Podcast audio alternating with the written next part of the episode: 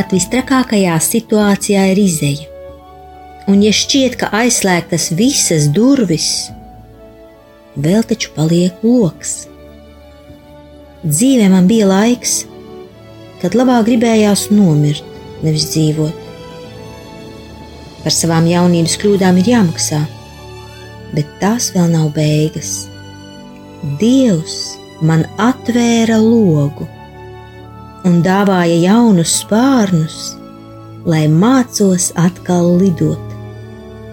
Viss ir iespējams, tikai tici, ceri un mīli.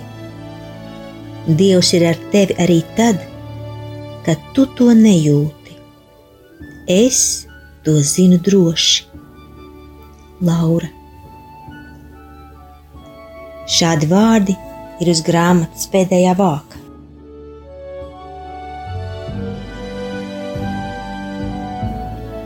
Lasīsim otro fragment no Lauras Niedras dzīves stāsta, vai baltajiem zirgiem jāpaliek sapnī.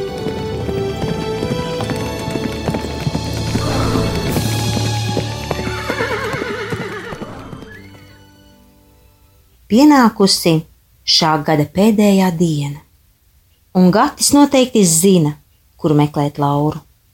Baznīcā. Tur viņš apsēžas pēdējā solā kluss un nemanāms, kā zirneklis medībās. Lai pēc dievkalpojuma pēkšņi uzrastos Lauras priekšā. Meitene par viņa uzrašanos nemaz nav izbrīnīta. Viņa jau ir pieradusi satikt gati tā pēkšņi un negaidīti. Liktos pat dīvaini, ja gatis neparādītos. Un atkal seko ērtais brauciens siltajā ātrajā sporta mašīnā, Kad pienāk vajadzīgais pagrieziens uz Lauras mājām, Gatis neskāpēc aizbrauc garām. Meitene sākumā neko nesaka, tikai jautājoši paskatās uz vīrieti. Mazliet pavizināsimies, viņš kā jokojot noteica. Labi, Laurai nekas nav pretim, izlaist kādu lieku līkumu, tik ērtā braucam rīkā. Bet Gatis brauc un brauc, brauc un brauc, arvien tālāk prom no Lauras mājām. Nē, meitene neuztraucas. Viņai nāk smiekli par tādu dīvainu joku. Mazda traucas un traucas galvu reibinošā ātrumā, tik uz priekšu vien. Vai nebūtu laiks griezties atpakaļ? Laura jautā. Vēl nē, es tevi gribu kaut kur aizvest, smaidīdams atsaka Jāņa tētis. Tā viņi brauc gandrīz stundu, līdz Mazda iegriežas kādā pagalmā. Te es dzīvoju. Vai ienāksi paskatīties? Gatis aicina. Nē, es labāk pagaidīšu mašīnā, Laura atteica. Bet Gatis neatlaižas. Nu, ienāc uz mirklīti, tūliņ brauksim atpakaļ. Redzi, es pat mašīnu neaizslēgšu. Man tikai jāpaņem dažas lietas un jāizved uz Rīgas dzīvokli. Nu, labi, bet tikai uz mirklīti. Laura piekrīt, un ejot iekšā mājā, drošības pēc pārmet krustu. Dzīvoklīts ir atbaidošā stāvoklī. Netīrs, piekrāmēts ar dažādām lietām, čupu čupām, gulta neklāta, gultas veļa pelēkā krāsā. Laura stāv maliņā pie pašām durvīm un vēro. Šajā mājā Bail kaut kam pieskarties, lai nesasmērētu rokas. Briesmīga nekārtība, ja? Bet mēs šeit pa ziemu nebraucam. Tā nu tas viss palicis, Gatis paskaidro. Viņš nedaudz parosās pa istabu, meklējams kaut kādas mantas, tad pasauc Lauru tuvāk. Meitene iet istabā un samulst no gata negaidītās rīcības. Viņš saņem Lauru aiz rokām un nometas viņas priekšā ceļos. Ko tas nozīmē? Ko viņš tagad darīs? Tas jau izskatās pēc senlaicīga bildinājuma žesta. Lauras pārdomas nav ilgas, jo tūlīt arī atklājas, ko Gatis taisās darīt. Viņš neatlaidis meitenes rokas, lūdz Dievu. Laura stāv, klausās un brīnās. Lūkšana ir neskaidra un īsa. Meitene nesaprot nevienu vārdu. Tad Gatis apsēžas mīkstajā krēslā un aicina arī Lauru apsēsties. Meitene kautrīgi piemetas uz krēsla malas. Viens spēcīgs roku tvēriens, un Laura jau atrodas vīrietim klēpī. Tas ir pilnīgi negaidīti. Meitene sēž un raugās Gatim acīs, it kā jautājot, ko tas nozīmē. Dīvainas tirpas pārskrien viņai pār kauliem, drīzāk patīkamas nekā nepatīkamas, un viņa ļaujas šā mirkļa neizprotamībai. Gatis cieši apņem meiteni un maigi pieskaras viņas lūpām. Šis pieskāriens ir neaprakstāmi satraucošs, tas ir silts un maigs, un Laura nespēja to pārtraukt. Drīz vien viņa sajūta gata rokas pie sava mēteļa pogām. Meitene nedaudz saraujas, bet jūtas kā paralizēta. Pa atvērtā mēteļa spraugu viņas miesu sasniedz liela, silta, maiga roka. Tādu pieskārienu Laura nav jutusi nekad. Viņa pat īsti vairs nespēja domāt. Kādu mirkli meitene ļauj šo glāstu vienreizīgumam, tad liek sev pamosties un atjēgties. Viņa izlec no gata klēpja un aši aizpogā mēteļa pogas. Kaut kas te nav pareizi, bet neatkārtojami gan. To noliegt būtu melot pašai sev. Mājās meitene nesaprot, kas ar viņu notiek. Laura neskaitāmas reizes iztēlojas šo gata lielās siltās rokas neparasto pieskārienu. Viņa ir saindējusies ar ilgām, pēc maiguma un mīlestības.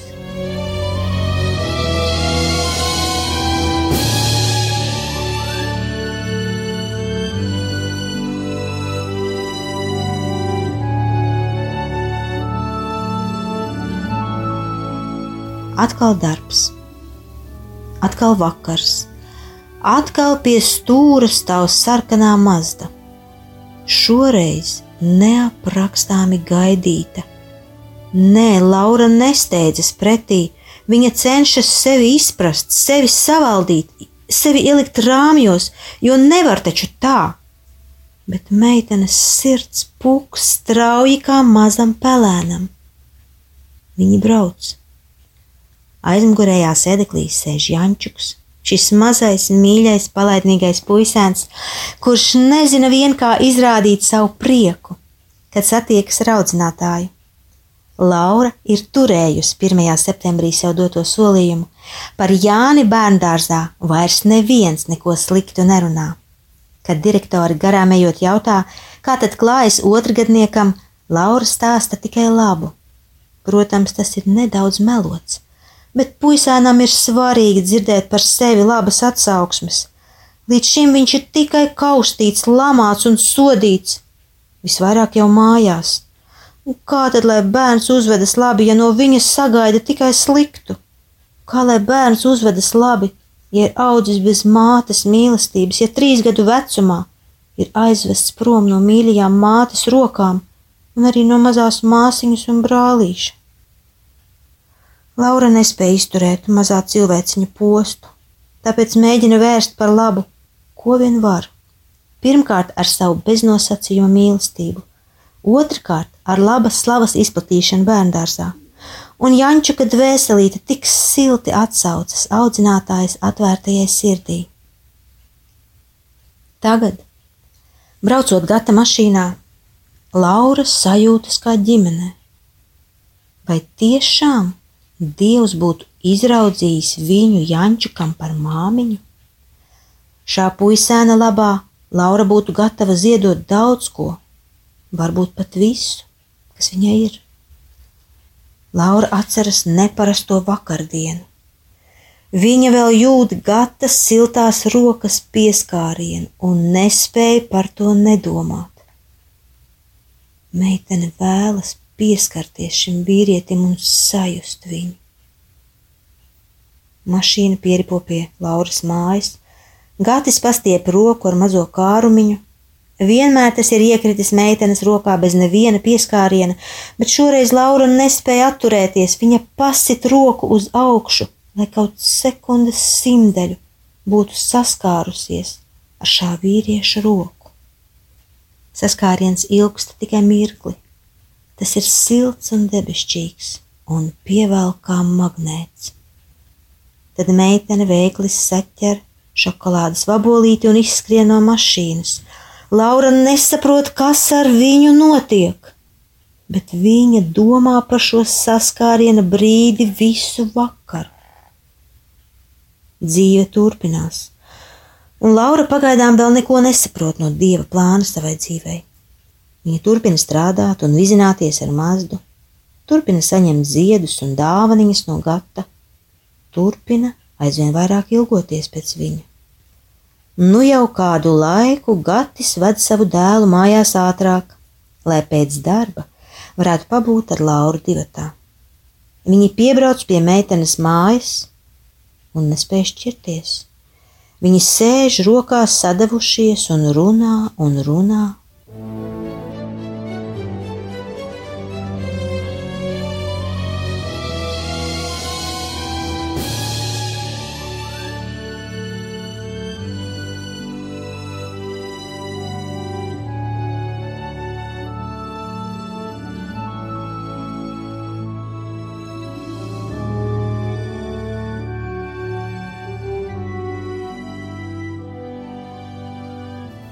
Kādu vakaru, mašīnā sēžot, Laura uzaicina Gati piebiedroties viņai ceturtdienas vakaros Bībeles izpētes grupiņai. Tā viņi abi kopā sāk piedalīties šajos visnotaļ jaukajos vakaros. Gātis tos atzinīgi novērtē, lai gan pats ir adventists. Reiz braucot no šādas tikšanās, Gatis piestāja pie savas mājas Rīgā un aicina Lauru ienākt. Meitene atrunājas, ka tas nebūšot ērti un pieklājīgi bet vīrietis viņu pārliecina, ka mājās taču esot Jānis un viņa mamma, un Jāņķuks ļoti priecāšoties, tāpat arī viņa mamma. Tā nu Laura piekrīt uz īsu brīdi ieskriet ciemos. Jančuks tiešām paliek traks aiz prieka, nezina nemaz vairs, kur likties, skrien, lec, rāpo zem galda un rei. Gata māma gan tāda klusa un atturīga, tikai sasveicinās un aiziet uz virtuvi. Tāda viņi ir, Gatis paskaidro. Nekad nejaucas pa vidu. Laura labprāt paspēlētos ar puisāni, bet Gatis iesauc viešņu savā istabā. Viens mirklis, un meitene jau ir uz dīvāna ciešās siltās skavās. Gatis raugās viņai tieši acīs, un lēni tuvojas viņas lūpām. Laurai šķiet, ka viņa izkusīs šajās skavās. Meitene raugās pretī pelēko acu bezdibeņos un pazūd tajos. Viņa lūpas sakļaujas, un laiks šai brīdī apstājas. Laura sakārto izjauktos matus. Viņai šķiet, ka tūlīt var ienākt mazais Jančuks, tādēļ meitene jūtas nērti. Nebaidies, te neviens nenāks, Gatis mierina. Viņi manā istabā nenāk. Tas Laurai šķiet mazliet dīvaini. Tik stingri noteikumi. Taču šodien iedibinātajai kārtībai laikam ir izņēmums. Jančiks tik ļoti nevar nociesties otrā istabā bez Lauras, ka iedrāžas ar joni tēva teritorijā. Šoreiz par to viņš brāzienu nedabū. Varbūt tāpēc, ka ciemos ir Laura, bet varbūt tāpēc, ka tēvam vienkārši ir labs garstāvoklis. Gatis ierauj puisēnu un Lauru gultā un ņemas abus kutināt, cik tik spēka. Jančuks smēj kā traks, sen tētis viņam nav sagādājis tādu prieku. Un Laura viņu vidū jūtas kā neatņemama sastāvdaļa, kā viena trešdaļa no šī smejošā laimes kamoliņa. Šķiet, ka Laura ir iemīlējusies. Viņa dienu un nakti domā par gata maigajām lūpām un neizsakām ilgojas pēc viņa. Ilgojas arī pēc smejošā Jančuka. Viņa augst gata pieskārienu, vēlas atkal un atkal sajust vīrieša lielās siltās rokas Laura gan jūt, ka Gatis nav nekāds zelta cilvēks, ka viņš nav nekāds labais ģimenes tēvs, nekāds labais apgādnieks, nekāds labais dēls savai mātei. Taču viņš meiteni ir pieradinājis. Tā pieradinājis, ka Laurai šķiet, dzīve bez viņiem abiem būtu tukša un bezjēdzīga. Šiem cilvēkiem ir vajadzīga viņas mīlestība, viņas gādība un rūpes. Tas ir tas, ko Laura augst sniegt.